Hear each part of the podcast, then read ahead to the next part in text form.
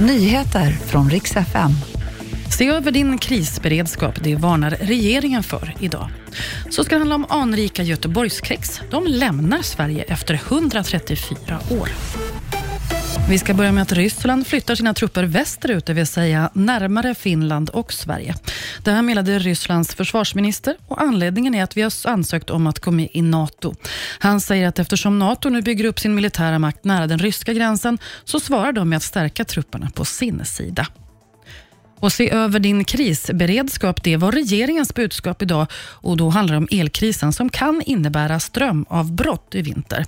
Carl-Oskar Bolin som är minister i civilt försvar säger att han vill inte vara alarmistisk men det är viktigt att vara förberedd med hänsyn till att det värsta kan hända. Och gamla anrika Göteborgskex, de har bestämt sig för att lämna landet. 134 år har de funnits i Sverige. Nu flyttar hela fabriken och framtiden, då kommer våra svenska ballerinakex att göras i Lettland. Det skriver DN. Några anställda följer med, men likväl så försvinner 300 arbetstillfällen i Kungälv. Vi ska avsluta med lite ljusare nyheter, för nu så vänder det och ikväll inträffar vintersolståndet.